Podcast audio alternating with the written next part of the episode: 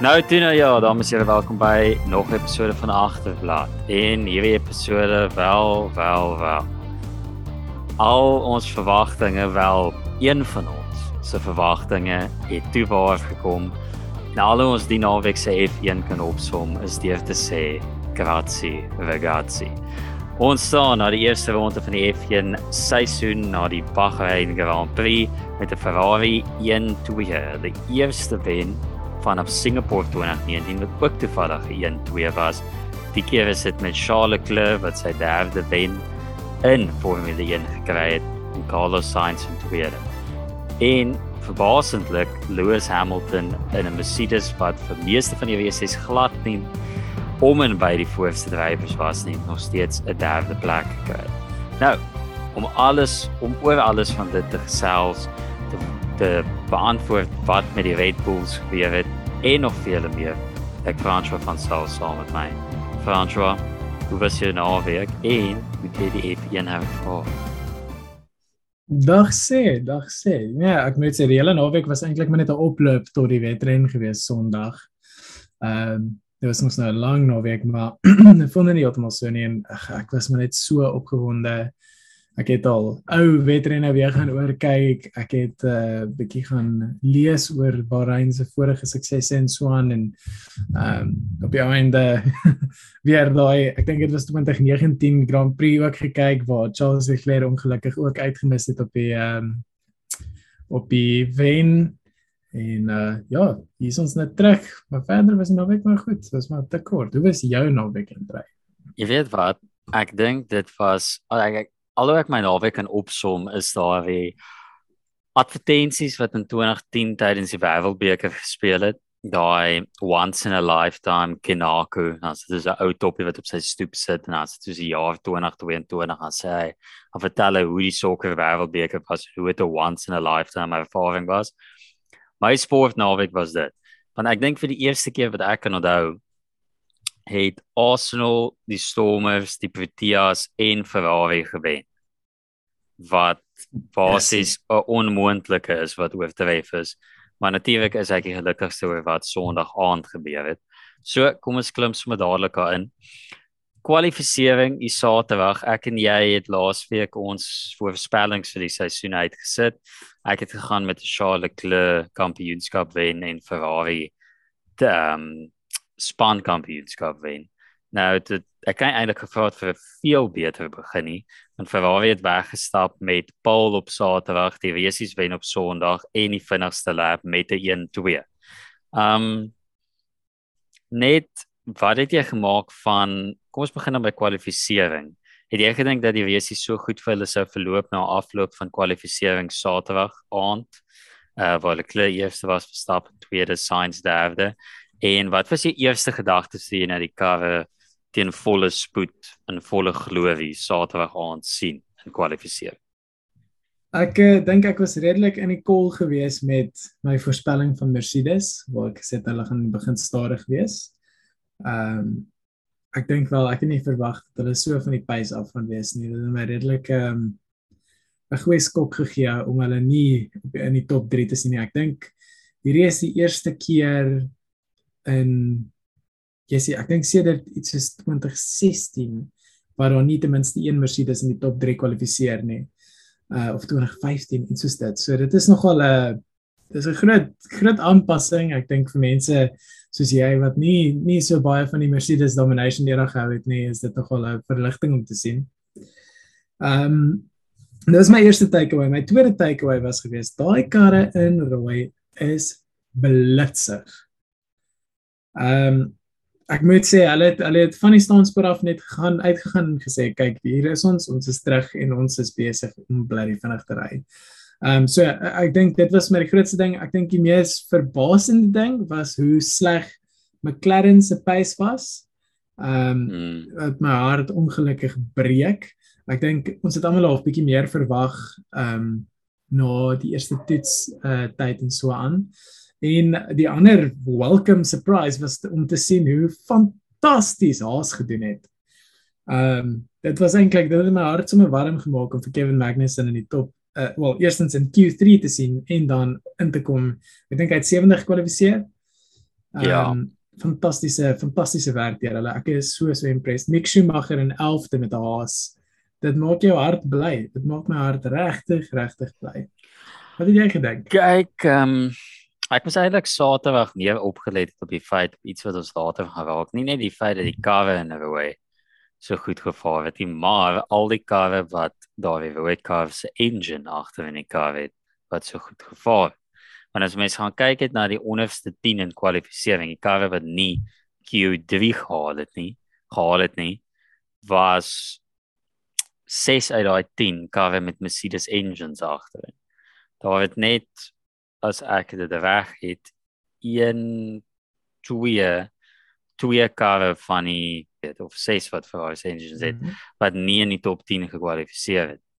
Um goed wat uitgestaan het vir my was een die groot ironie van Valtteri Bottas wat George Russell um geuitkwalifiseer het. Het ons vir jare gesê het hoekom hoe hy nie naby aan Lewis kon kom nie. Uh was hy die naaste aan Lewis in plaas van sy spanmaat. En ook dat 'n mens begin sien het dat daar 'n bietjie van 'n verskil lê tussen die top 2 dan eintlik die top 3 en dan iemand soos Sergio Perez wat jy op uitgewys het die vorige keer of laaste keer. Um en dan laastens buite McLaren was ek baie teleurgesteld in Aston Martin. Want my verwagting dat Seb Vettel 'n baie goeie seisoen dalk gaan hê was so te sel klaar plat gesien Saterdag. Uh wel, ek Ja. weet nie of hy eintlik gaan wil terugkom. Nou ek gesien het hoe die karre is die naweek hè. Miskien Um, kan hy nou maar net nou aftree en klaar kry. Ja. Ja, kyk, die, die feit dat Nico Hulkenberg na 3 dae in die kar hoër gekwalifiseer het as Lance Stroll was ook vir my baie interessant. Um so dit het ons nou geneem in ons Sondag se Grand Prix en ek dink die verwagtinge was dat dit redelik aggressief gaan wees aan die begin want die vorige keer wat ons Leclerc teen Verstappen gesien het teen mekaar in 'n redelike gelyke karre was ek glo was dit 2020 Oostenryk. Um waar hulle deelgeneem het vir die wen. Dit kan dalk 2019 wees. Ja, dit sou 2019 wees. Ferrari was die 2020 nou Yes. yes. enigiets nie. So 2019 nee. Oostenryk, um die Verstappen het eintlik die nuwe races gewen het hoe mens kon sien dat iemand soos Charles Leclerc juis uit die pad uit sit. Weet nie dat hy het natuurlik geskiedenis in karting. Daar waar ek nou noem it was only an incident. Uh die klip wat weer gespeel het in na Sondag. Um dan die races wegspring. Um enigiets wat vir jou daar uitgestaan het vir my het hoofding wat vir my daar uitgestaan het was jy weet the more things change the more they stay the same met Valtteri Bottas wat van 16de ek dink afgeval het tot by 13de in na die eerste draai. Ehm um, hy kan net Wow. nie wegspring uit die blokke goed doen nie. En ja, dit was 'n redelike gemaklike begin vir Charles Leclerc en dit het my nogal verbaas dat eintlik nie soveel van die hulle albei vir my die twee voorste drywers se swakste punte is hulle wegspringe. So ek dink dit het half mekaar uitgekanselleer. So net jou gedagtes na die eerste rondom die baan, wat het vir jou uitgestaan en hoe het jy gedink gaan die wesies verloop? Ja nee, definitief. Ehm um, ek stem saam. Ek het ek was eintlik al bietjie ehm um, skrikkerig om te sien hoe dit gaan gaan met ehm um, met Leclerc se wegspring. Hy en Verstappen is maar albei so aan en af met dit. Hulle is nog nie nog nie so goed soos wat hulle kan hê nie, maar ek is bly Leclerc het daai eerste posisie gevat en hy was eintlik nogal ehm um, hy was baie assertive geweest in die manier wat hy gery het. Soos hy het regtig net sy neus voor daai kar ingedruk en dit daar gehou.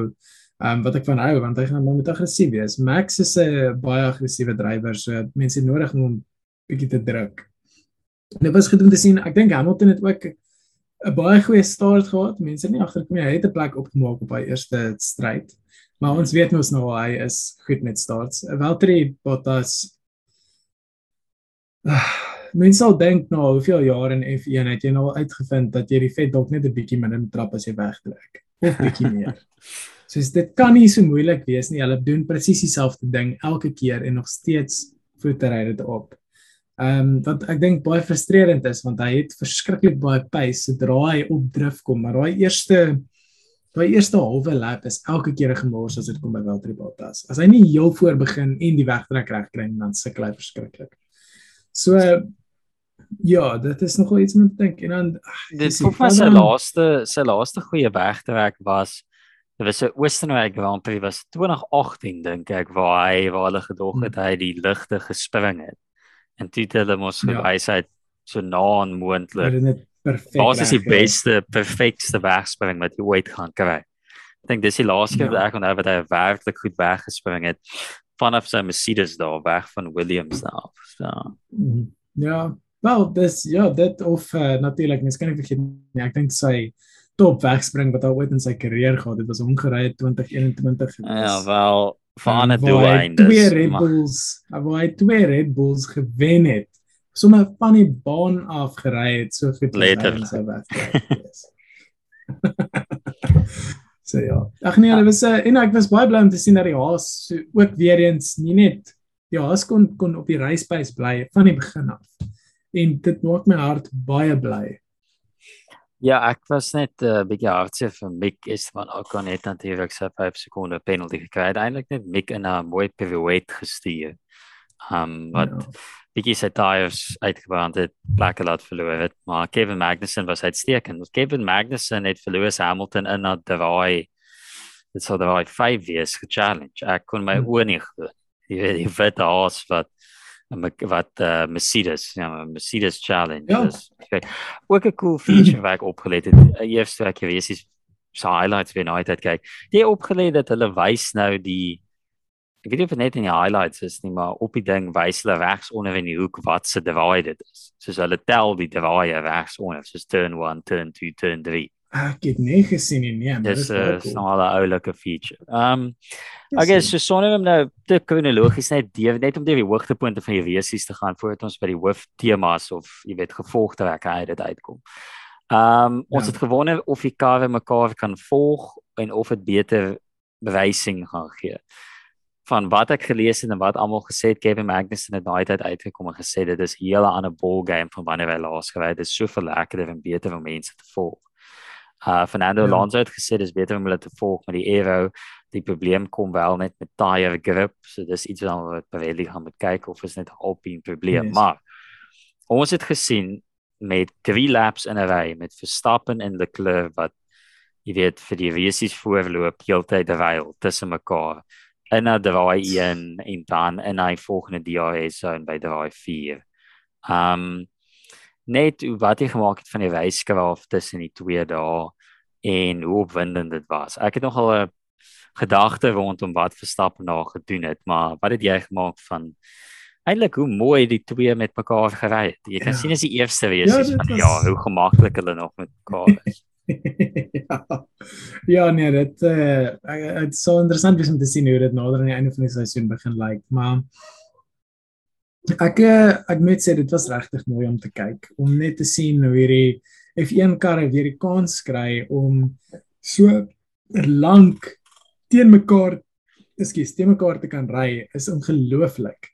Ehm um, ek dink is presies wat ons wat ons wou gehad het. Ek dink die following distance is regtig belangrik. Nou dit is turn 1, turn 4 of wat ek al maar selfs nie daai daai volge afstand deur die eerste ek sou seker sê amper jy kyk daai eerste S draai voordat hulle op die volgende stryd gaan.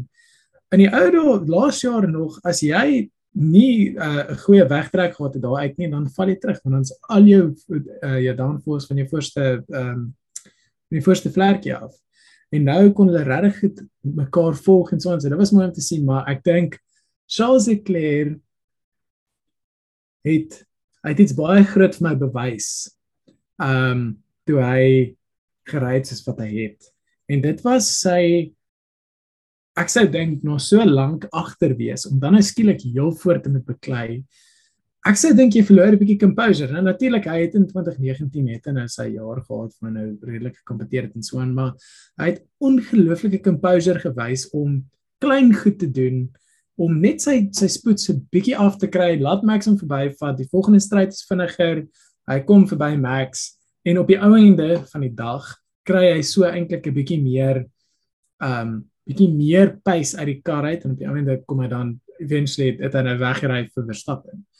En ek dink dit wys ongelooflike insig en ek dink dit wys ongelooflike um, net racecraft om te sien hoe iemand so kan dink wanneer hy ry, hoe hy ry teen Verstappen, die nuwe wêreldkampioen wat ongelooflik aggressief was wat ek dink sy downfall was in hierdie naweek.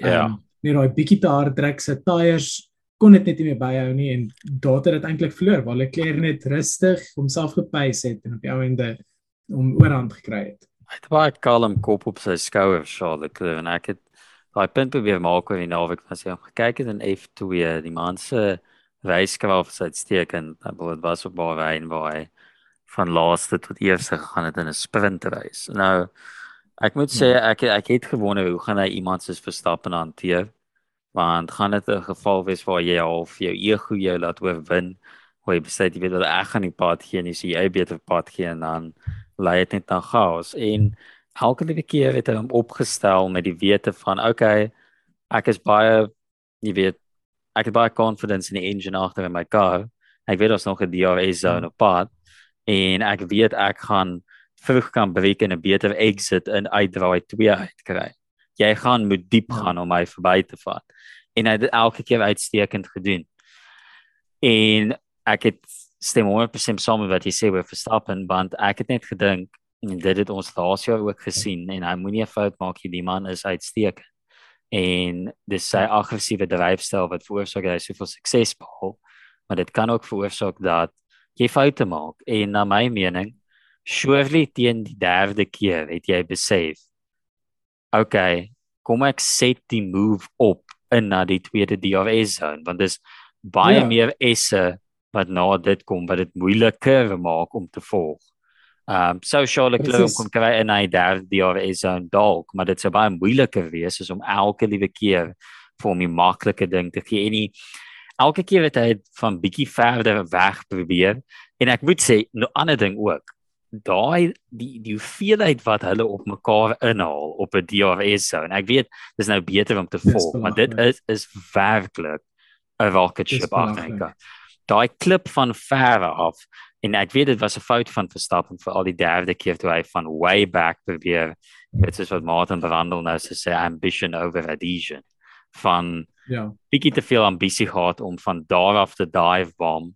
En dit het dit by einde sy tires geskroei um wat daai ja. stel basies afgeskryf en voorsou dat Verstappen ten minste 5 sekonde gap kon maak maar surely set jy dit op in 'n ander DRS en dis een ding waar ek dink as dit Lewis in die kar was hy definitief sê nie. Dis een ding wat ek ek gee dit nog altyd vir hom eer tot die feit dat Louis is uitstekend met weet wanneer wanneer gaan ek, wanneer bly ek, wanneer vat ek jou nou om eerder die hele geveg te wen.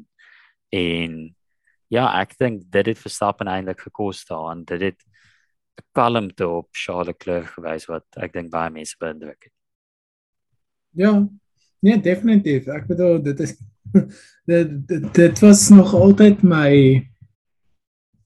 kritiek gewees op uh Verstappen is ek dink hy's klein bietjie te aggressief. Hy ek het laas jaar gesê ek dink hy moet groot word in hoe hy ry. En die bully taktik werk nie op iemand so Charles Leclerc nie, want Leclerc is klinies in hoe hy dit approach, maar is nog steeds aggressief genoeg om om daai tipe moves te kan kom ons sê te kan maak op Verstappen wanneer dit nodig is. En dit wys die kaliber van drywer wat Leclerc is, maar ek dink ook kyk, dit kan vir Verstappen baie vinnig kos. Veral as die Ferrari so vinnig is as wat hulle lyk, like, kan dit hom regtig kos. Hy gaan beter met race as wat hy net pure pace het en afwees het. Ehm um, maar nou op die topik van die engines en so, ek dink is moeite werd om eintlik net weer te praat oor oor die krag gains wat Ferrari gemaak het in hulle engine. Dit is ongelooflik. En ek het nou 'n rumor raak gelees, ehm um, so net voordat ons die podcast begin opneem het, waar die reports is dat oef, hier is rof. Maar hulle sê hulle het met 'n konservatiewe engine mode gehardloop want hulle weet nog nie hoe hulle reliability lyk nie. Hmm. So hulle gaan dit stelselmatig oor die seisoen gaan die engines nog opdraai. Was daai konservatief nou, was goeie genigtig. As dit die geval is, Dan gaan jy sien hoe ry 'n Mercedes kar met 'n Ferrari engine in agter en ek kan dit nou op sê. Dit laat my 'n bietjie Ehm, stres, maar ek hoop nie is 'n 2018 geval waar almal is wow, die engine is ongelooflik. Ek kan dit amper nie glo nie. Dit is te goed om waar te wees. Dit was Ja. dit te goed om waar te wees. So, Ek hoop dis so. Ja. nie. Maar eh, ja, ek moet sê, ehm wat het jy gedink van die verskil tussen die Mercedes, die Honda en die Ferrari pap? Power Wel, units. die opsomming vir my was weer eens werk eintlik opgelet het totdat ek dit na die resies gelees het nie. So posisie 12 tot 17 aan die einde van die resies was alles Mercedes powered cars. So met 'n Mercedes Mercedes ja. engine op. Drie uit van die vier Red Bull of dan 'n Honda of wat ook dit is tegnies sekerlik nou Red Bull engines agterin. Maar dis 'n Honda, kom ons wees nou maar eerlik.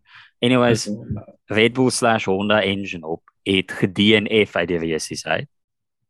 En Ferrari en die ander span wat almal gesê het gains op hulle engine gemaak het, maar nou ongelukkig nie die Aero pakket kon haal nie. Alpine lyk baie baie goed. As jy na die top 10 gaan kyk, is dit 2 3 4 5 uit die top 10 is Ferrari engines. Ja, Twee Mercedes sit daarin, twee Alpines en dan die enkele Alfa Tauri uh slash Honda engine wat oorleef het. ja. En ek is redelik seker nie net omdat ek 'n fan is nie, as Mick Schumacher nie gesit het met 13 ou 13 rondes of lap oue tyres met die begin van die safety car nie, is ek redelik seker hy sou ook in die top 10 gewees het en Sonoda Ja. sou nie. So uh, dit kon baie maklik gewees het dat al ses karre met Ferrari engines in die top 10 is. Dink jy dink jy regtig dit gaan 'n geval wees soos die begin van die turbo hybrid era waar Mercedes net so ver bo die res was waar die jare was om on te haal. Want jy weet natuurlik die probleem hier vir ander spanne is dat baie van die komponente met die engines se uh, development word gevries. In 20 ja. is dit 2025 waar dit gevries word. Ek dink van dit is nou al gevries. Ek dink van dit is nou gevries ja.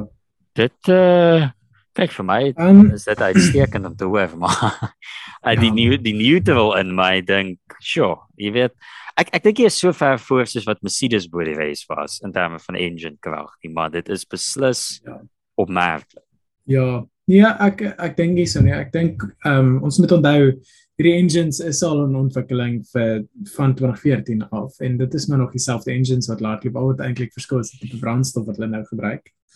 Ehm um, ek dink ehm um, soos ek voorheen ook gesê het, ek dink die agterstand met Mercedes is 'n uh, tydelike een. Ehm um, hoewel ek dink die Mercedes engines is dalk bietjie swak op hierdie stadium, wonder ek ek wonder of dit soveel So- die engine is eerder as die aero by Ja, Mercedes ek nie dink baie van dit is die aero Ah, Ek dink is dalk meer die package rondom die engine wat dalk vir al hierdie ouens probleme gee. So miskien die vorm van die engine of sekere komponente daarvan wat nie werk op die aero package wat hulle nou het nie. Want Mercedes sukkel met downforce. Uh McLaren het uitdruklik gesê hulle het nie genoeg downforce op hulle kar nie, dis hoekom hulle nie kompeterend was nie. Um Williams het ook gesukkel met 'n uh, baie haperige kar. Um en Aston Martin het ook gesukkel met downforce issues. So ek dink dit is dalk meer die packaging van hulle van hulle stelsel wat die issue is met die Mercedes karre. Nou, ons moet onthou, hierdie engine van die Mercedes is onmoontlik stadiger as die vorige engines van die vorige era, want dit is gebou op dieselfde basis. Iets wat ek oorwonder en dis eintlik meer gemik op Red Bull, maar ek wonder of dit nie dalk is wat met Mercedes gebeur het nie. Ehm um, daar was baie rumors en teorieë op hoekom Red Bull se engines een na die ander basies net gekalf het. so kom ek Ehm, um, so het wat wil jy ingaan en dan varieer Nee nee nee, ek wil graag eintlik weet wat jou wat jou inset is op dit en dan sal ek af van daar af gaan. Okay, so ek kom ons skiep gou dan aan die einde van die wees. Dis net om die, die events van die weesies op te som. Ek sê ek sê wel die like mense wat luister het dit gesien, maar net om weer te weet dit af. So uh, Charlotte Leclerc is redelik voor. Um dit lyk na 'n gemaklike wen. Jy weet uh, al die fans klop bietjie op hou dat dit nie 'n 2019 Bahrein uh jy weet herhaling is nie. En ewe skielik het ons ons eerste uittrede uit die Grand Prix wat skokkend was. Dit gelyk soos al 20 drywers eintlik in plek gaan bly. Uh met Pierre Gasly wat sy engine aan die brand steek.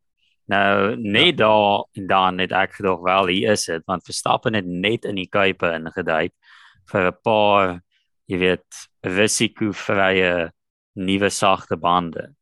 En ek het gedog wel gaan Verstappen kans kry om te stop. Ag Verstappen uh, Leclerc kans kry om jy weet dit te match en toe gelukkig ja. as gevolg van die die voorskot wat hy opgebou het, het hy die kans gehad om in die kuipe in te duik, tyres te vervang en hulle albei was op splinter nuwe sagte bande in na die laaste stuk. Verstappen het weer sy ou trek gedraai van 'n weg langs die ou gaan met die safety car restart net soos in uh, Abu Dhabi laas jaar. Abu Dhabi. En dit het hom gekos want ek ek neem aan jy het ook opgelet. Hy moes daai draai so nou vat en die kleur dit uitstekend gespeel het so wyd as moontlik gegaan. Want hoekom sou jy nie? Jy weet die ou agter jou gaan jy nie kan verby van die huis afhanklik van jou om te ry.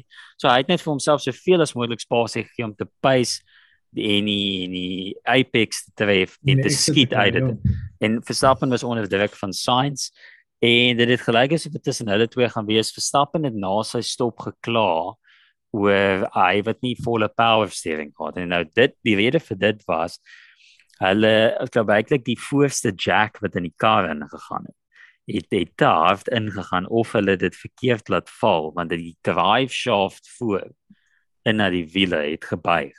So dit is wat ja. die power steering veroorsaak het.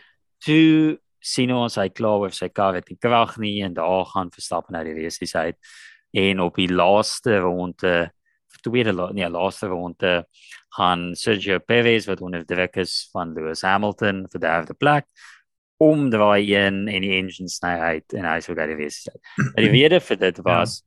so om op te som Charles Leclerc Ventus uh, Carlos Sainz wat die vir Verstappen met die wees is sy plek op dis 'n Ferrari 1-2 en Lewis wat derde plek met George Russell in vierde.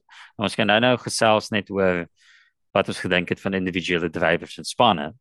Maar die ja. rede vir dit was al met Marco in die laaste tyd uitgekom was dat die fuel supply na die engine het uitgesny. En dit was die rede by beide Red Bulls. Ek weet nie wat die rede was vir Gasly. Ek dink dit sê se elektroniese probleem, maar die ja. probleem was uh brandstof wat na die engine moes gaan. Ek glo werklik was dit iets wat spanne oor gekla het in na die naweek wat die FIA direkte uit opgesit het as 'n moontlike komponent waarna hy spanne moes kyk. En toevallig het hulle die naweek, hulle het dit nooit aangekondig nie, nie wat ek gesien het nie, was die park vir my reël gelos vir die Q3 karre na qualifying omdat die FIA inspekteer na al die spanne toe gestuur het om te kyk na hierdie fuel pump komponent en of dit vervang moet ja. word want hulle was bang hulle het opgelet dat dit 'n moontlike probleem is Alpine het hulle sin vervang byvoorbeeld na Q3 en dit was wat Red Bull gekos het So ek dink dit is 'n ding wat baie maklik opgelos kan word, maar jy weet dit is iets wat jy weet sy kop kan uitsteek deur die vloer van die seisoen. Ja, nee, definitief. Ek sou ek sou graag wil weet wat met Gasly se kan eintlik weet dat ek het nou nog nie kans gehad om op te lees daarin, maar ja, ek weet nie, dis dis moeilik om te sê natuurlik dis nou een veteran in, maar ek sou nie verbaas wees as so ehm um, ek weet eerstens uh ag uh Red Bull het baie werk gedoen aan Longlands toe hulle testing gedoen het. En ehm um, toe ek 'n teorie gaan lees dat hulle juist dit gedoen het om te kyk hoe die reliability op hulle engines is.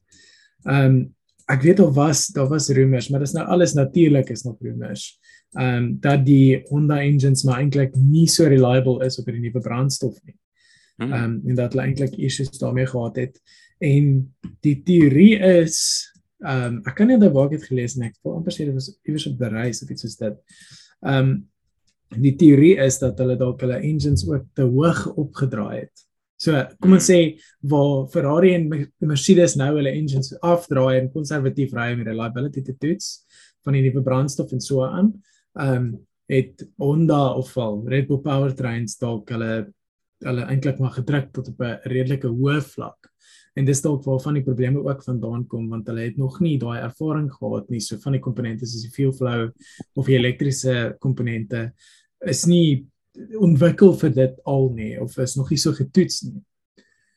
Nou dis alles net spekulasie en as 'n Mercedes fan hoop ek dit is die waarheid, maar um, om terug te kom na waar ons mee begin het en alles dink ek ja, ek dink vir die eerste helfte van die seisoen gaan daar nog 'n groot gap wees tussen hulle, maar moenie verbaas wees as al drie daai engine manufacturers of al vier eintlik maar redelik naby mekaar eindig. Hmm. Ja, kyk, ek ek ek vind dit interessant om te sien wat Alpine gaan doen. Ek weet ons het ja. met ons voorspellings gekyk. Ons kan nou aan hulle raak, maar net paar interessante feite voordat ons dan spanne en drywer spesifiek raak. Paar interessante statistieke wat ek raak gelees het. So met so net om die top 10 te gaan, the Charles Leclerc, Carlos Sainz, tweede, Lewis Hamilton, Hamilton, George Russell, Magnussen in 5de, Bottas in 6de, dit weer uitstekende wette in gery om toe net weer terug na 6ste te kom. Uh ook aan 'n 7de Sonoda 8ste Alonso die ende en Guan Yu Zhou of Zhou Guan Yu aangesien Crafty die het verloop van die wesie sekerlik 7 keer uh besluit wie weet geshift het tussen of hy sy van eerste gaan sê of sy naam. Um hy was in op sy debuut in 10de. Um interessante feite wat ek raak gelees het. Kevin Magnussen wat in 50 geëindig het, was Haas se beste resultaat vanaf Oostenryk 2018. Hy het ook meer punte in hierdie enkele wedren aangeteken as wat die span in die laaste 2 jaar saam aangeteken het. So, dis interessant. 10 punte.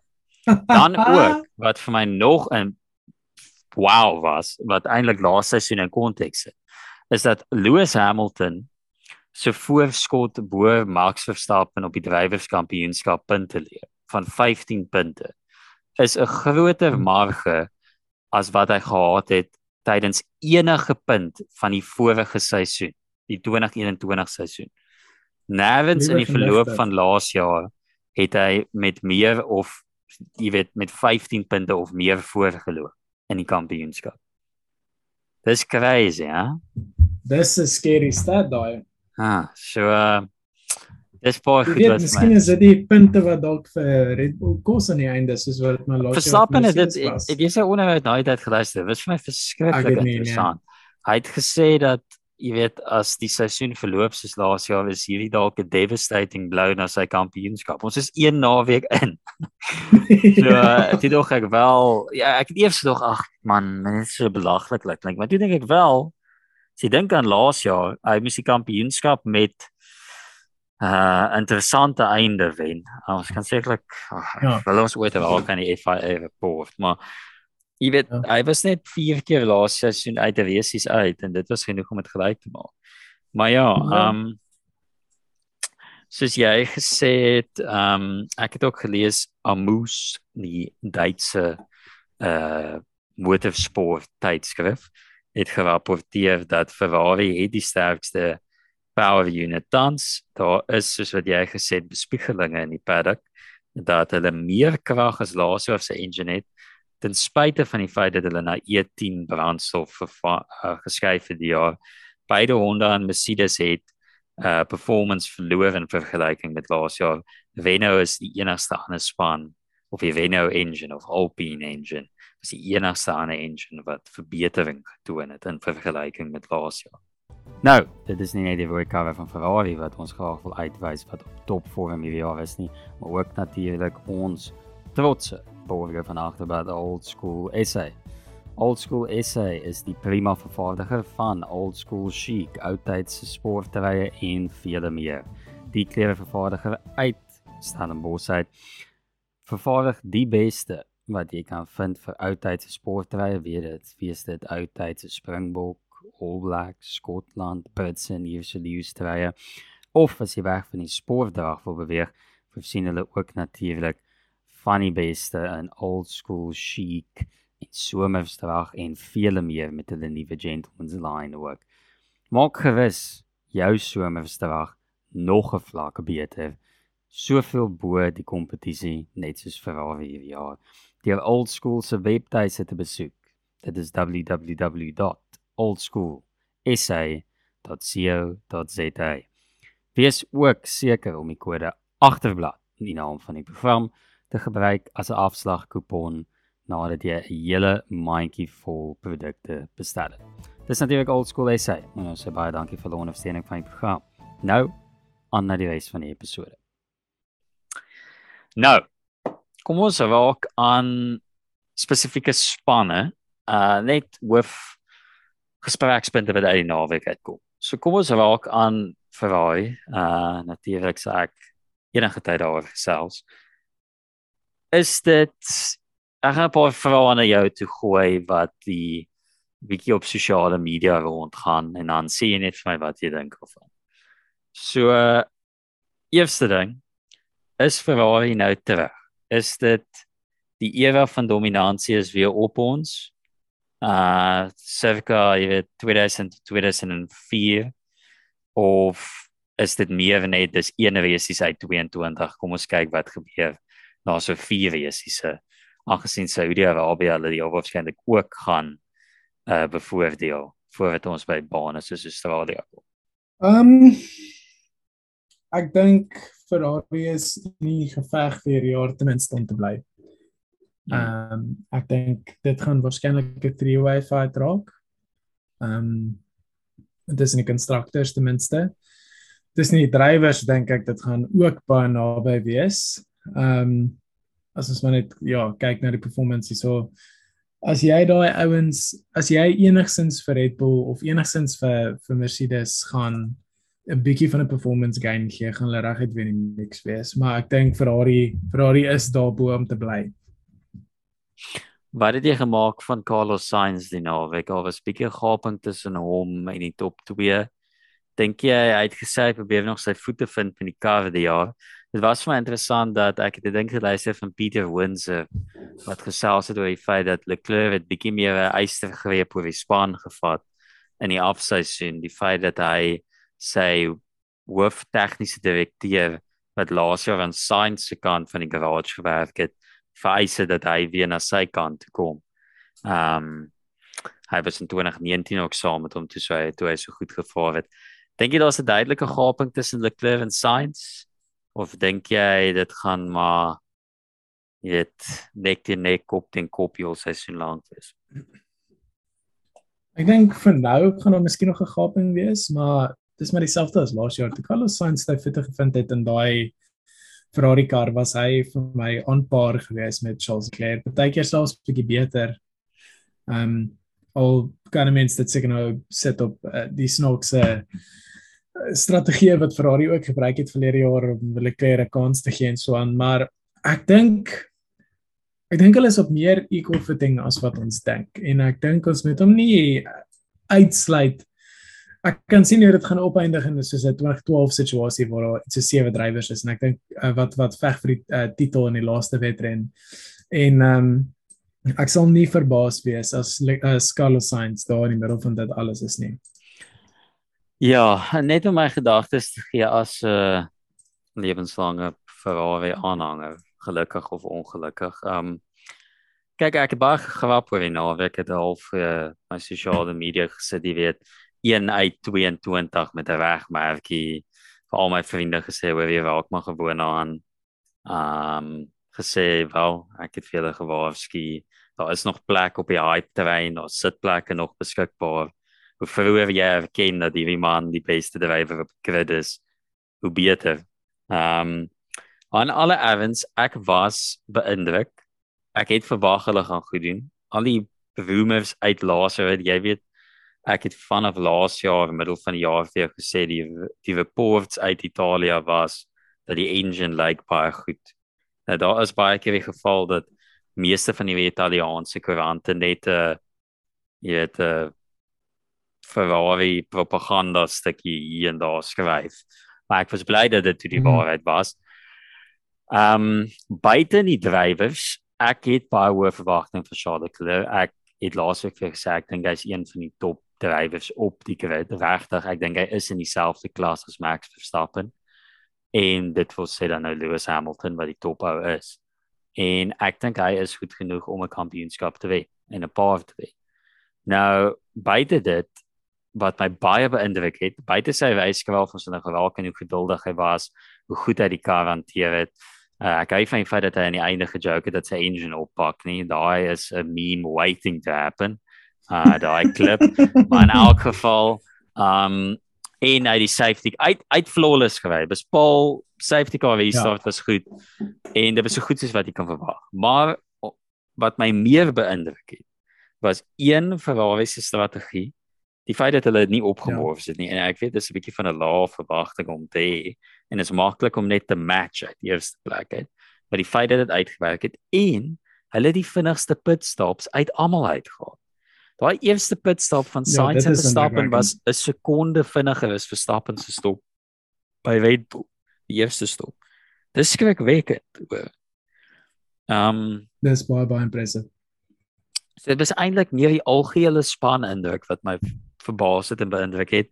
Maar aan alle events, dis 1 uit 22 wees. So, jy weet 2019 het hulle ook goed gelyk aan die begin en 2018 so ek ek wil nie te opgewonde raak nie, maar ek dink hulle gaan 'n goeie seisoen hê. Nou, kom ons skuif dan nou na ja. jou silver pile, die silver arrows. Ehm um, wat het jy gemaak? Wys die pyl opwaarts? Het dit meer vir jou hoop gegee uit die naweek uit, die feit dat hulle derde en vierde kon kry? Ehm um, of wys die pyl nog steeds vir jou afwaarts as mens kyk na die gaping wat op 'n tyd 30 sekondes was van eerste af vir Lewis Hamilton wat onbekende ja uh, grounders vir iemand so. Wat het jy gemaak van Mercedes se vertoning en is jy meer hoopvol na naweek 1 dieselfde waar jy was of het jy bietjie hoop verloor?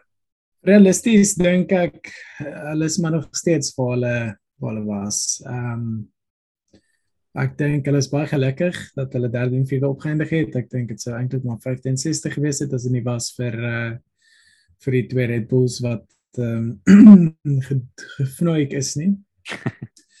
maar ehm um, ek dink ek gaan steek by my voorspelling dat hulle gaan optel so in die volgende paar wedrenne. Ehm um, ek dink hulle weet wat die probleem is van dit wat hulle sê, weet hulle wat hulle grootste probleem is. Ek kon sien in die wedren Lewis Hamilton se kop op en af hop soos 'n jackhammer. Dit was verskriklik.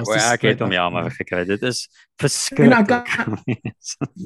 Ja, en ek kan regtig ek kan indink dat dit 'n verskriklike groot verskil maak aan hoe jy ry. Ek dink dit justify 'n 30 sekonde lap. Ek dink is ongemaklik, looflik moeilik om te breek.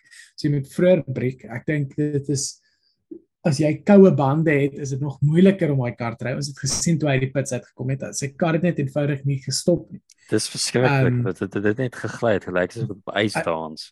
Guan Yu Zhou het ja, baie omgevlieg. Wag, gaan ons gou 'n pot gooi stem hou. Jammer dat ek nie. Ek gaan ons met ons kan nou Guan Yu gaan. Soos wat hulle aan die begin het en soos wat staan op die wyse sal of is dit nou Guan Yu Zhou soos wat hulle hom op F2 genoem het en Kraft die halfpad die wyse. Wat is ons agterblad posisie op? gaan ons van eers en dan Ver ek weet is dit Zhou Guan Yu. Okay, so dan gaan ons met dit want want die man tussen die kommentators en die graphics department die naweek was almal dink almal was nog bietjie koud. Daar was 'n deel waar vir soos vir 10 laps die die graphics net nie daar was. Anyways, okay, jy was besig om te sê. Yes, so ja, die bande dit was dis eintlik 'n ou Mercedes probleem, die feit dat hulle sukkel om tyres ja. warm te kry. Ja, maar ek bedoel dit is ehm um, dit was eintlik vreemd ek bedoel net uit die kuipe uit te duik en dadelik 'n band te hê wat wat net yskoud is is belaglik. Ek bedoel toe ons het gesien toe hy agter Jogan Yu was, hoe hy toe hy oomblik wat op die throttle geklim het, toe begin daai wiele spin agter. En ehm um, ek weet nie of dit 'n Mercedes probleem is of 'n Pirelli probleem of hulle dalk iets iewers te verkeerd gekry het nie, maar dit was my baie baie vreemd. Maar in elk geval, ek dink Mercedes weet wat die probleem is. Ek dink hulle gaan dit in die volgende kom ons sê maand, maand en 'n half miskien regkry. Hooplik is dit dan nie al te laat nie. Ehm um, maar sê dit het ja, vir hulle baie tyd gekoop. Red Bull het vir hulle baie tyd gekoop. Dit met die wiewers wat Red Bull het regtig nou vir hulle Red Bull het vir hulle nou twee wedrenne gekoop met daai resultaat. Eerlikwaar. Hmm. Ehm um, as as Hamilton net in die punte bly en vyfde bly, het hy nog steeds 'n goeie kans. Dit gaan met Ferrari se se voorstand gaan hom eintlik net die groot probleem wees. Ek dink hy was geskok toe hy sien hy's um, daar toe hy toe hulle vir hom sê hoor jy is op die podium. Ek dink hy kon sy luck Ja. glo. Hy's my hashtag definitief nie. Leicester. Ja, maar ja, dit is maar hulle het gekapitaliseer. Mercedes het groot gekapitaliseer mm. op dit. Ehm um, ek bedoel wat hulle is, is hulle nie nou tweede in die constructors nie. Korrek. Ehm um, hulle het nou 'n klomp punte gekry. 'n Klomp klomp punte gekry en dit maak daai maak 'n groot verskil. Ek bedoel wat is 15 en 12 punte. 27 Ehm, punte voor Red Bull al klaar. Ja. Ja, so uh, ek het nog hoop in my hart vir hulle, maar ek dink nie hulle gaan nou binnekort skielik 'n groot performance jump kry nie. Ek dink die veteran het net gewys hoe groot die werk is wat hulle nog het. Ek dink die wedren het vir my getoon dat ek nog emosionele letsels het van die laaste 8 jaar waar ek ten volle ge- gedink het agter my kop Loos gaan op een of ander manier nog die WWC's wen. Al was hy 5de op die een deel 30 sekondes waar.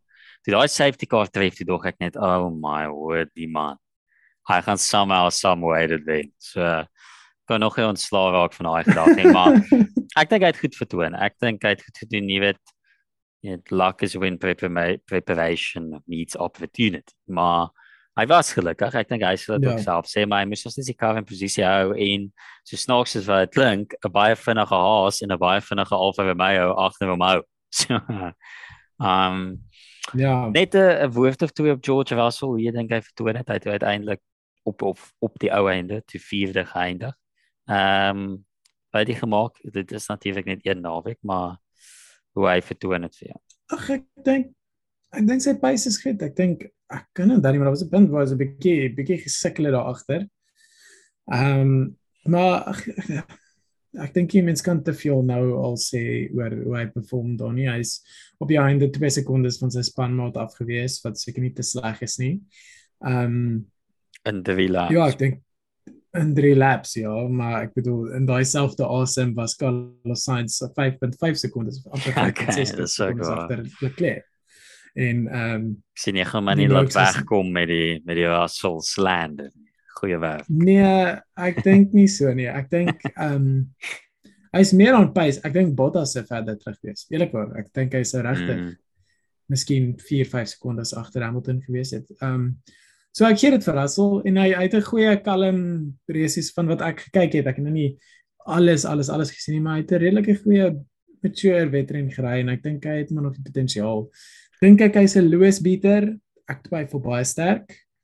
Um, dink ek hy het potensiaal om te veg met die ouens voor. Ja. Um, ek dink hy sal veg met Sainz Perez miskien. Dink ek hy gaan die top 3 ouens klop wat ek nog steeds sê Leclerc, Hamilton en Verstappen is. Nee.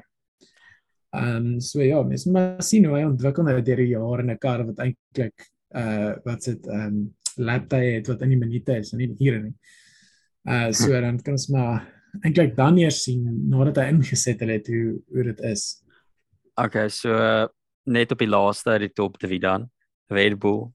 Um natuurlik op papier lyk dit soos uh, jy weet skokkende skrikwekkende nag met weer resultaat albei karre uit in die eerste ronde. Maar as ons kyk na hoe naby hulle aan Ferrari was, hoe hulle drywers gery het voor dit. Wat maak jy van hulle? Hoe naby dink jy is hulle aan Ferrari? Dink jy dit gaan maar Ferrari Red Bull naweek per naweek baan per baan wees wie die voorhand gaan kry? Um en net wat jy gemaak het van hulle vertoning. Maar ek dink dis nou jy weet sekerlik vir Mercedes mense 'n bietjie lekker om vir hulle te lag, maar ek dink hulle sit nog steeds met 'n goeie motor en met 'n goeie kar en met ja, natuurlik 'n goeie drywer wys die verdedigende kampioen, maar ek uh, ek het op tye was ek nogal beïndruk met hoe naby hulle aan Ferrari gebly het. En Hmm. ek dink as dit nie vir 'n paar foute was van Verstappen nie, was hulle diep in die mix voor wie weet die tegniese probleme nou ingeskop het. Ehm um, Ja.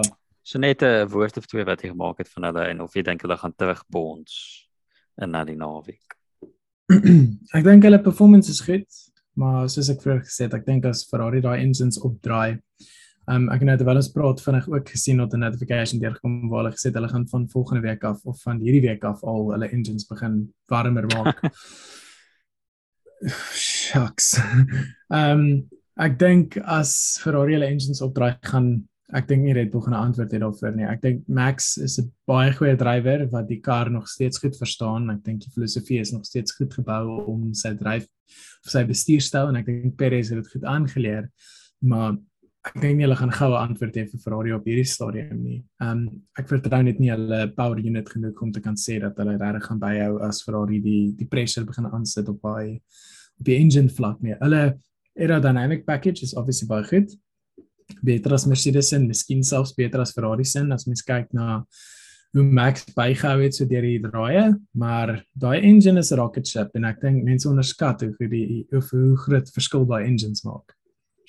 Ek dink dis nader as wat jy uitmaak. Ek ek weet dalk is dit omdat ek altyd dink wat kan verkeerd gaan met Ferrari. Maar ek dink is nader. Ek weet jy waar daai klip van bo af waar hy op hom afgestorm kom voordat hy nou sy tyres gelaak het verstap en is nog ja. steeds net in my kop. Ek weet dit was DRS maar soos jy sê dis ook 'n ander posisie gewees want die kleur het hom net so maklik weer by die ander punt verwyk. Ek dink ja. dit gaan baie taai wees. Ek dink dit gaan baie naby wees. Ek dink dit gaan baie meer om beskof raak soos wat dit aangaan. Dis nou oh, oulik, dis nou baie hulle mekaar vasby. Ja, ja, wel. Ja, ek weet jy het al teorie motivering. Motors. Ehm um, ek dink dit is baie oulik dat hy hom gaan gelukwens het na die Grand Prix, maar ek het so gevoel dit gaan nie baie lank hou nie. Uh, ek dink ja. hulle is in die mix. Ek dink Verstappen het goed gelyk. Ehm um, in kwalifikasie en ag ek dink dit gaan maar baie wees. Ek kan sien hoe dit Leclerc Verstappen meeste naweke hier voorste twee gaan wees. Ehm um, weet jy, ek sal dit nie mind nie hoor. Ek dink dit sou baie interessant wees. Okay, so kom ons raak aan paar spanne wat vir ons net uitgestaan het voordat ek dink dan gaan ek net hier vinnige paar quick fire vrae vir jou gaan en dan kan ons net 'n blitsige voorspelling gee vir die naweek. Ehm um, enige span of drywer wat vir jou uitgestaan waar jy vinnig wil gesels. Iets wat uh, vir jou uh, uitgeblink het. Kevin Magnussen natuurlik, 5de plek in 'n Haas, 5de plek in 'n Haas wat laas jaar gelap was binne die gewinne gewinne binne die eerste 10 12 laps. Net net op daai, ek wil jy nie weet of hy maar yes. was dit nie vir jou opmerklik dat dit 24 laps gevat het vir een kar om gelap te word. Ja. Dis sekerlik ja, die langste wat dit al in jare was, nee. Ja. Wat ek kan onthou. Die karre is nader aan mekaar. Dit is fantasties. Die midfield is so exciting om te kyk. Ehm um, ek sê ah, ja. ja, definitief Kevin Magnussen as 'n drywer veral staan vir my uit. Ehm um, ek dink hy het net 'n fantastiese fantastiese wedren gehad, fantastiese naweek gehad om terug te kom uit nêrens uit nie. Jou naweek te begin, jy het nog nooit 'n kar gery nie en so goed te doen. Oef, dit maak my gelukkig om te sien en ek bedoel hy ja, dit dit dit voel of sy ek hooplik kan dit aanhou en as hulle doen is dit die eerste kans wat hy al gehad het om regtig 'n kompeterende kar te ry. Ehm um, dis dis baie impressive. Ek bedoel hy het vir Valtteri Bottas gewen in ook in 'n Alfa en die Alfas is baie baie sterk. Dit was my verbasing van hulle. Hulle, hulle het Ja, ek het gekyk. My voorspelling was hulle gaan laaste kom. Ja, ek het hulle tweede laaste. Ek het gedink hulle gaan laaste kom. Testing is 'n klub. En ek wil dit net Ja, dis dis so. En dit dit staan regtig vir my uit hoe goed albei gedoen het om 'n rookie drywer in te hê wat ook in die top 10 is fantastiese fantastiese. Hooplik is dit nou nie en Lewis ook hoor. So ja. go on you. Hooplik is dit nou nie 'n Alpha Tauri van laas jaar Yuki Tsunoda situa situasie waar nou die een goeie reis is en dan is dit nou klaar nie, maar dis dis goed om te sien. Hulle het eintlik maar vir my regtig die meeste uitgestaan. Haas en Ferrari was goed om te sien en dan aan die negatiewe kant McLaren ja, McLaren, ja, McLaren, Daniel Ricciardo en McLaren Hoorie, ek uh, ek het nog foto's daarby kom, maar ek ek wil iets ander raak verder. Net by Kevin Magnussen. Jy weet self ek is groot Mick Schumacher aanhanger ek back hom en ek dink hy is baie talentvol. Ek dink hy het F3 en F2 gewen het. Toon dit. Uh ek het al gedink dat hy dieselfde tendense volg in die tweede seisoen baie goed gaan vertoon.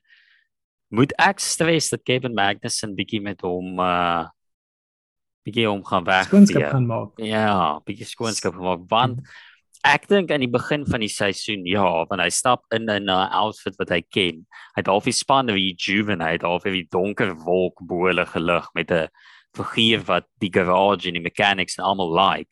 Nie dat ek sê hulle nie van Ja. Mick hou nie, maar hy's nog 'n jong ou wat nog probeer sy voete vind en hier kom Magnussen wat die span ken, confidence het en 'n baie meer outgoing figuur is. En hy het ervaring aan sy kant en karre wat ek dink in sy wheelhouse is. Ek dink jy weet soos ek sê ek dink Mick se strategie het hom bietjie in uh, jy weet bietjie gekos en ek dink die insident met Ocon ook. Maar dink jy ek Ja. met bietjie stres in nou hierdie jaar. Ja, ek dink mens moet nie Ah, onderskat hoe ervare en hoe vinnig Kevin Magnussen is nie. Ehm um, hy het 'n tendens om sy kar te outperform as hy 'n ding onder hom het wat werk. Ek dink nou in 2018 se seisoen byvoorbeeld was waar hy die wiele van daai kar afgery het. Ehm um, maar ek dink nie ek dink nie Mick gaan baie ver agter hom wees nie. Ek dink was nog 'n paar ervaringsgoedjies wat hy moet optel. Ehm um, maar hulle gaan waarskynlik soos wat die seisoen aangaan baie nader aan mekaar kom. Maar ek dink Magnussen het net daai bietjie van 'n edge nog op Nick. Ek bedoel hoe lank ry hy nou? Hy ry van 2011 af, 2013 Mm. of so iets. Ja, bietjie en daai ervaring tel. Ja, dis wat dit is. Ek het 'n paar Boko, ek het 'n paar Boko omgesit wat bo Magnussen eindig van ek moet net vlamme doodslaan na die week van vriende wat vir my sê hulle klus nie so goed nie, Mick is 'n fraud. Halfte van dit is vir vir my uitgewerk, die ander halfte is nog in waiting. Sommige hierdie geleentheid gebruik om vir Mick Schumacher geluk met sy verjaarsdag te sê. Hy is natuurlik welkom op agterblad. Uh ek weet ons sal seker maar 'n translator moet kry. Ehm um, okay, so McLaren. ja, McLaren, sien dat ons nog nie 'n McLaren. sponsorship van Vinto Lager af het nie. Ja, van- shocking. Waar wa, kan Windhoek nie net 'n F1 span borg? 'n Namibiese drywer op die op die Ek dink so. Power der Ja, Windhoek en As hulle as uh, Estrella Garcia wat nie eens ja, Estrella Garcia het nie eens alkohol in nie en hulle sponsor is span. Shocking. Sekerlik kan ons Vinto Lager logo kry op uh op Schumacher se helm. Maar het, het Johnny Walker nie Mercedes op 'n tyd geworf nie. Kom dit ek so indruk van dit. Hulle het vir McLaren geborg, ja. Ja, ek verseker dit. Ek onthou dit was toe Hulle Lewis nog vir. McLaren het hulle geborg. Ja, ek was sê toe Lewis nog vir gewees. Ek onthou Ja. Lewis met Johnny Walker. Ek weet nie of mag drankmaatskappye nog sponsor. As dit is Marlboro. Ja, ek verseker dit is eintlik waar. Uh, maar jy Ja, weet natuurlik Dis daar's die- maniere dis hoekom rondom. Heineken borg ook if you know. Ja, jy sit net 'n 0% alkohol langsaan Ja. en dit is fyn. Dis is die blitsbokke wat nie meer Castle kan haas die die Borg Castle vir hulle. Nice. Um in elk geval presies. McLaren, uh hulle die kleure van highlighters op hulle kar en 'n seisoen wat lyk my nie veel van 'n highlight seisoen gaan wees nie. Daniel Ricciardo begin bietjie in moeilikheid in te gaan hoor. Want ek dink al die shine, so hoe dit werk is dis nice, dis lekker as jy 'n nice persoonlikheid het en jy maak jokes en jy drink shoeies en jy banter almal terwyl jy goed doen. En hy's half 'n outside bad boy tipe figuur. Nee, wel nie bad boy, dis sekerlik bietjie af. Hy's nie soos James Hunt tipe vibe. Maar jy verstaan wat ek bedoel. 'n Outgoing figuur. Hmm. En die verwagting is die classic soos die Engelsman sê keep that same energy as jy nie besig is om te wen. En ek kyk ek hier's nog iets ek sou baie maklik erken as ek verkeerd is. Ek het gedink toe hy Red Bull verlaat het dat Red Bull 'n reuse fout gemaak het in die sin dat ek het gedink hy was net so talentvol of op daardie stadion dalk beter as wat Verstappen was. Ek het regtig gedink hy is 'n wêreldklas talent Ja. met hoe hy jy weet Seb Vettel onder hom uitgevee het en al daai goed. En hoorie vanaf wanneer was die laas ek weet hy het daai twee podiums by Renault gekry. Ja, Ek, ek dink hy sou self erken dat laaste seisoen nie 'n goeie seisoen vir hom was ja. en dit het nie baie beter begin die jaar. So voordat ons by McLaren in die algeheel kom. Ricardo. Ehm um, is dit tyd om te begin stres. Ek weet hy het bo Navis geëindig die naweek. Maar ja. daai kwalifikasie sit nog in my. Ehm um, ek uh, ek dink so. Dink jy rede daarvoor ek dink Daniel Ricciardo is 'n klein bietjie soos wat Seb Vettel is. In die sin van as die kar vir jou werk, dan is hulle blits blits blits vinnig. Ehm um, maar as jy sit met 'n kar wat jou ongemaklik maak en jy kan nie sy limits push nie. Ehm um, ek dink nie hy is so aanpasbaar soos wat ehm um, soos wat Max is of soos wat Louis is of soos wat Charles self is nie. Ehm um, en die een van die groot redes waarvoor is ek het eendag ek het eendag 'n video gekyk waar hy gepraat het van een van die moeilikste goed toe hy by Renault gery het voordat hy goed gedoen het wat hy nie gesukkel het was die gevoel van die breekpedal onder sy voet. En dat dit so anderster was om daai kar se brieke te gebruik dat hy hy kon nie uitfigure hoe dit werk nie. Ehm um, bloot net omdat hy so gewoond geraak het aan die Red Bull en die manier wat hy ry en dit het goed gewerk met hom en op die einde van dit toe hy dit uitfigure, toe hy baie vinnig in die renne En toe hy 'n goeie kar onder hom gehad het wat gewerk het saam met hom in Monza, was hy amper on, al hy was unbeatable. Hy het gat geskop. Wel, um, so, mm, ek dink as hulle okay. Navis as hulle Navis bietjie verwy gemaak het, kon hulle kon dit ja. interessant ja, eindig. Ja. So maar ek hoor wat jy sê, ek stem ja, so. Sure. Ja, so ek dink ek dink nie hy's 'n slegte drywer nie. Ek dink die hype is die moeite werd. Maar ek dink sy grootste probleem wat hy het is hy gaan moet moet op 'n manier aanpas tot daai kar. En nou dis dis goed Lando het ook gesukkel, maar Lando het hom oor die res van die naweek dis hy het hom ver gewen met alles. Dan jy safety car het Lando net. Ja. Dis al wat hulle gery het, ja, maar, ja. Presies. Ja, nee, presies. Maar so uh, ja, ek sou as ek hy was sou ek regtig probeer om om iets anders te probeer doen. Ehm um, ek natuurlik het hy nou 'n kar wat net om glad nie pas nie. Hy hou van 'n geplante kar, 'n kar wat jou baie confidence gee wat jy kan as jy breek en jy gooi die brekke in 'n in 'n dive bomb en dan wil jy daai kar met stabiel wees onder jou en as jy hom in 'n draai en gooi dan wil jy daai kar met stabiel wees en die McLaren kan hom nie tans dit bied nie. Maar ja, ons sal maar met sien hoe dit aangaan. Ek hou baie van die punt wat jy gemaak het oor die die skill van aanpasbaarheid en die meeste ekstrakt van 'n kar wat jy weet nie pas by jou dryfstyl nie. Ons het gesien hoe goed ja. hoe baie het ons laaste seisoen gesê, jy weet Charles Leclerc pop blast daai Ferrari mile bo wat bo te wees. En toe by Lewis, almal was as ja, Mercedes, Mercedes dit. Lewis het nog steeds derde geëindig. Soos ja. Ek, en ek weet dit was natuurlik gelukskoot met die Red Bulls, maar hy moes nog steeds in die posisie wees om dit te doen.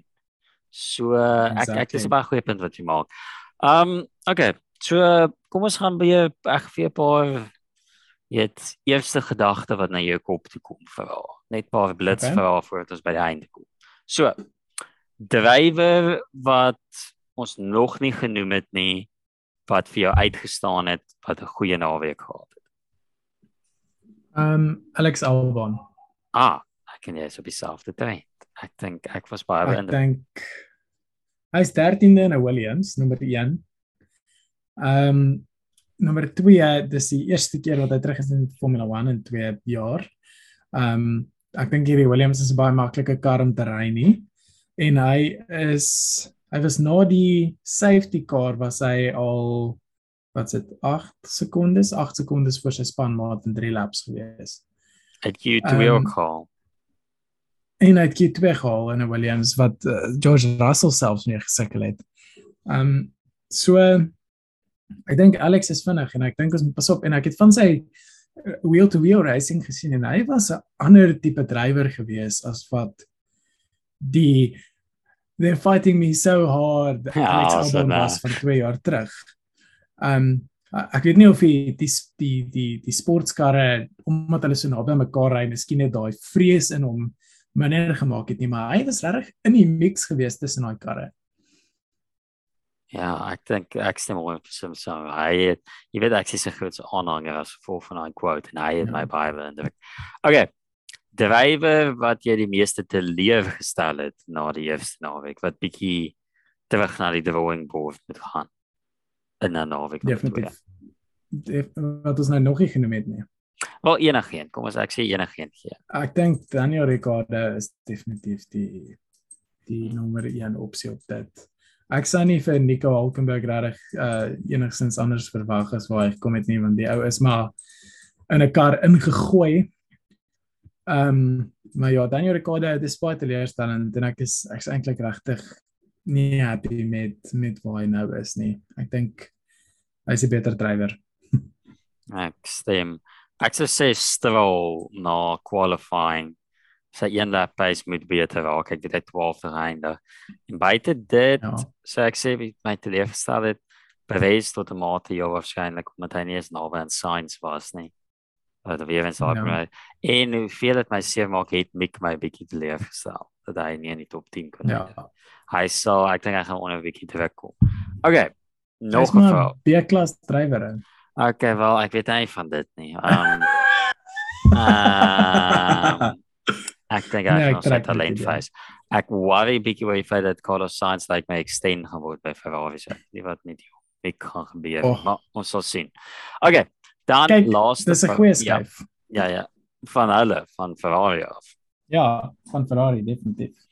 Ja, Mick het nog te veel om te wys. Veel wat ek kom back, jy moet nog steeds 'n F1 wys dat jy talent kan oordra. Ek dink hy kan. Hy het dit laas jaar gewys hoe hy Haas ja. in 'n Q2 gekry het ek dink dit gaan dalk net tyd vat en ek hoop hy weerstaan die druk wat mense op hom plaas. Okay, dan interessante vraag ja. wat ek bietjie oor gedink het.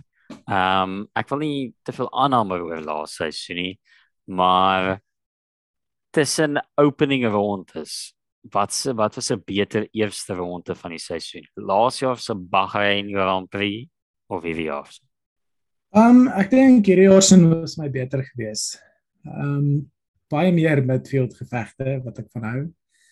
Ehm um, die Verstappen Hamilton geveg laas jaar was al 'n bietjie fail. Dit was baie kontroversie na die eerste wedren gewees wat nie lekker is nie. Dis of dit het 'n 'n negatiewe toxic rivalry begin van daar af al wat ek nie van gehou het nie waar Leclerc en Verstappen mooi te mekaar gery het en dit was natuurlik net die highlight van hele van hele setup gewees. Ek dink ek het Rene verkies. Dit was my bietjie meer opwindend geweest.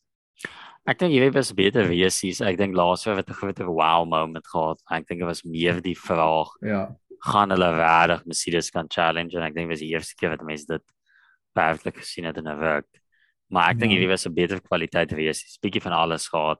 Spanne was nader aan ja. mekaar, safety car, interessante strategie en goeie racing van voor tot agter. Um en daar's 'n Haas, 'n Alfa in die top 10 en twee Ferraris wat 1-2 gevat het by Bahrain. Hoeveel meer wil jy hê as 'n comeback story? Ja, vir my kon dit regtig veel beter gegaan het nie. Okay, dan ek het nou net gesê daai is die laaste vraag, maar hierdie is nou die laaste vraag. Die feit dat hulle die reël uitgehaal het dat jy hoef nie op jou Q2 tyres te wees te begin as jy top 10 kwalifiseer nie goeie besluit of slegte besluit na wat jy die eerste naweek gesien het. Neem aan ag dat 18 uit die 20 karre op dieselfde tire compound begin het. Ek dink is great. Ehm um, hoewel die strategie nice is om te ja, hoewel die strategie nice is om te kyk al die drywers het gevra en hulle vra al so lank die meeste van hulle haat die tutorial want jy kan nie jou kar druk tot op sy limiet in daai eerste klomp laps nie. So nou sit jy met ou bande met 'n kar wat geoverfuel is basies. Hy's so swaar. Hierdie karre is nog swaarder as wat laas jaar se karre was. Dit gaan net nie goeie racing maak nie. Dit gaan met daai tipe karre wat jy dan mee gaan sit as jy sit met 'n kar op 'n ijskaatsbaan soos wat Lewis Hamilton ons het pitstop gelyk het. En ek dink daai eerste opening salvos in die eerste 12, 13 laps was great geweest en ek dink eerlikwaar ek verkies dit so. Ek dink daai vryheid is belangrik. Dit vat net deel van die strategie weg wat dan net die groot lekker kry is, maar ek dink dit maak die racing beter. Hm, baie goeie argument wat jy maar of dan nogal geswaai. Ek wil nou uit die blokke uitspring met harde nee. Want ek haat die feit dat hulle goed wat strategie beïnvloed weghaal uit die sport uit. Hulle maak dit te vanilla met strategie. En ek dink al was 'n verskeidenheid strategieë gewees. Dalk is ek net nog steeds salty dat hulle refueling uit die sport uitgehaal het. Ook knap dit maar, maar ek weet jy gaan dit sê. Want werklik ek kan dit ek weet ons met die seeskil paai weet, maar sê dit is 'n strategie. Ek sou nou maar net tot die einde van daai 2004 se Magnicor moet gaan kyk met Michael se vier stoppe. Maar anyways, Ek wou sê strategie dit bietjie Ek glo jy gaan beter voel. Maar dit laat my nogal dink, nee. Dis waar wat jy sê in die sin van iemand het ook vir my gedoen vir die vir die spanne aan die bottom end van die top 10. Moef sit hulle so erg op want jy jy vat van jou nuute bande en jy moet dit pap ry om net in die top 10 te kom. En ek en dit skep soms ook probleme vir spanne. Ons dink aan laas jaar se eind laaste wees, die feit dat Max met softs begin het, maar ek het gehou van die verskillende strategie, maar wat hy ook noem dit was baie indrukwekkend hoe naby die karre was vir lank aan die begin. Soos jy weet self soos laas seisoen ja. by dis naby vir die eerste lap en dan trek dit uit mekaar dan dan sit die 'n uh, 'n accordion wat uittrek. Um en dit was vir lank karre wat ja. by mekaar was. So okay, ek ek sal op 'n uh, undecided vir nou bly. Um okay, Francois, dit bring ons dan nou tot die einde van hierdie episode. En dan nou die vraag in na volgende week se Grand Prix by die Death Race track, aka Death Race 3 met Bruce Willis as kies Saudi-Arabië. Um daar tussen die mure aka Monaco op ek wou nou iets sê het, maar kom ek sê eerder Monaco teen 300 km/h. Uh ek weet hulle het 'n paar veranderinge met die laaste draai gemaak met bietjie weier te maak. Ek wonder of Red Bull daai request dan gestuur het, maar in elk geval. Um Maar verder -hmm. is die, is die, is die trek redelik dieselfde. Interessant wat ek gesien het is F1 se webwerf het geskryf oor die feit dat dit gaan vir ons werklik sê waar hierdie jaar se kar is, want dis die tweede keer wat ons na Jeddah toe gaan in 4 rondes as jy daaraan dink. Want dit was die tweede laaste reis laas jaar en nou is dit die ja. tweede reis. En gewoonlik as jy weer na 'n trek gaan met nuwe karre, is dit 'n jaar later hulle develop hulle het al daai goed gedoen. Nou is dit nogal 'n goeie kontras tussen die beste karre teen die einde van 2021 en die begin van die 2022 karre. In elk geval. Ons weet hoe die baan lyk. Dit is moenie breek nie is basies die konsensus van strategie. Laat my dink aan 'n storie wat Seb altyd vertel het van hy wat vir Michael Bell want sy gunsteling lyk maar al die as ek as jy 'n klasie F1 driver is is jou gunsteling baan Suzuka want dit is Sebsen, ja. Sennasen, Schumachersen, Lewisen buite ek dink hy sê sy's 'n beter baan as Silverstone maar natuurlik die fans by Silverstone ja. maar in elk geval uh, Seb Vettel wat vir Michael gebel het in 2012 die aand voor die reis gevra oor hoe benader ek die S's? Wat se lyn vat jy benader jy en dit Michael hom net geantwoord wat wel ek het nie regtig 'n strategie nie. Ek weet nie hoe ek dit ry nie. Ek ry net wat ook al die vinnigste is. Dis die strategie. En dis basies die opsomming van Saudi-Arabië se baan vir my is wel moenie petrol ja. ag moenie die brieke druk moenie breek trap hê ah um wat nee, se verwagtinge in 'n naweek en waarna gaan ons kyk aan die einde van die resies. en ek dink Ferrari gaan ook ek dink Leclerc gaan waarskynlik sy tweede wen vat. Uitso. Ehm um, ja, nee, definitief. Hoopelik is die Mercedes al bietjie nader, maar realisties dink ek nie dis 'n moontlikheid nie. So ek sou sê ons gaan maar redelik na dieselfde na dieselfde tipe konsep kyk as wat ons nou het. Ek dink ehm um, daai Ferrari engine van Mick gaan hom dalk bietjie hoër optrek in die in die rangorde. Ehm um, ja, ek dink net omdat dit so vinnig gebaan is, die engine ouens gaan definitief die ans wees vir die voordeel trek daar. So uh, uh ek dink ja, die Ferraris gaan ver op. Ek dink die Mercedes karre gaan 'n bietjie van 'n nagmerrie hê daar op die oomblik. En uh ja, ons kan maar ek sou sê so waarskynlik wees Leclerc, Verstappen, Sainz, Perez, Hamilton, miskien Magnussen en dan Russell of Bottas en dan Russell. Mm. Okay. Uh maar ek hoop met jou Mick voorspelling dat waar is van Mick se Saudi waar hy laas oor die berg het gaan hy die kar gespin in practice en toe in die wesies in die muur ingegaan by daai def corner toe hy die agent of chaos was in die laaste twee naweke. Hy sien wat al die drama begin het ja. met die safety cars. Jy sê ek, ek net om te dink ek het ja. eendag vir die highlights van laaste se Saudi Welberg Grand Prix gekyk. Ek sê die highlights is so 20 minute lank. Dit is net absolute chaos vir 20 minute lank. Daar was daar was gemors geweest. Die daar was die race start so wees.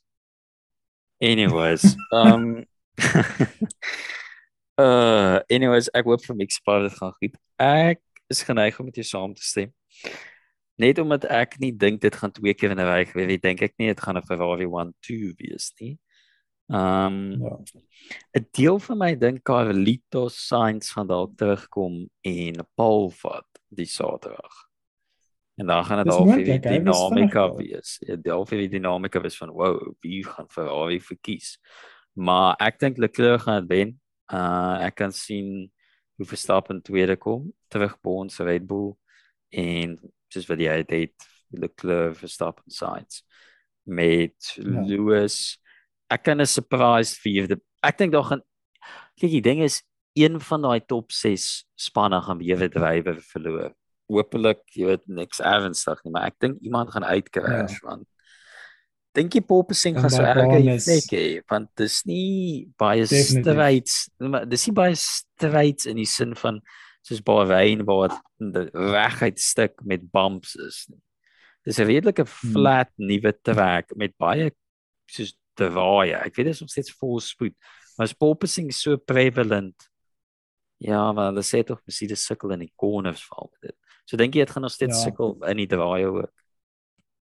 Ja, ek dink so. Ek hmm. dink so. Ha. Jy weet wat, gee vir my 'n Mick Schumacher vyfde plek. Ek weet nie wie vierde kom nie, maar gee my gee my 'n Mick. Ek dink een of ander chaos gaan gebeur en iemand vreemd gaan op vierde eindig. Wat 'n prediction. Ons straal oor die reis wen. Okay, wel. Ehm um, jy weet wat, gee vir my gee vir my ja, ek gaan nie full guts and glory gaan nie. Geef my Valtteri Bottas op 4de plek. Ek wou nou sê 'n okay. podium, maar ek het gedink ek gaan altyd gaan met 4de plek. Maar ek dink dit gaan Leclerc Verstappen Sainz. En elk geval. Enige laaste gedagtes vir François vir ons die ouetjie wrap. Ek sien baie uit vir die volgende wedren, maar ek's baie bly dis hierdie naweek. Self mag dit so aanhou vir hele jaar mag die rooi vlag wapper ja. vir eerste en tweede tot in November. Mag Red Bull se engines elke wedren aan die brand steek.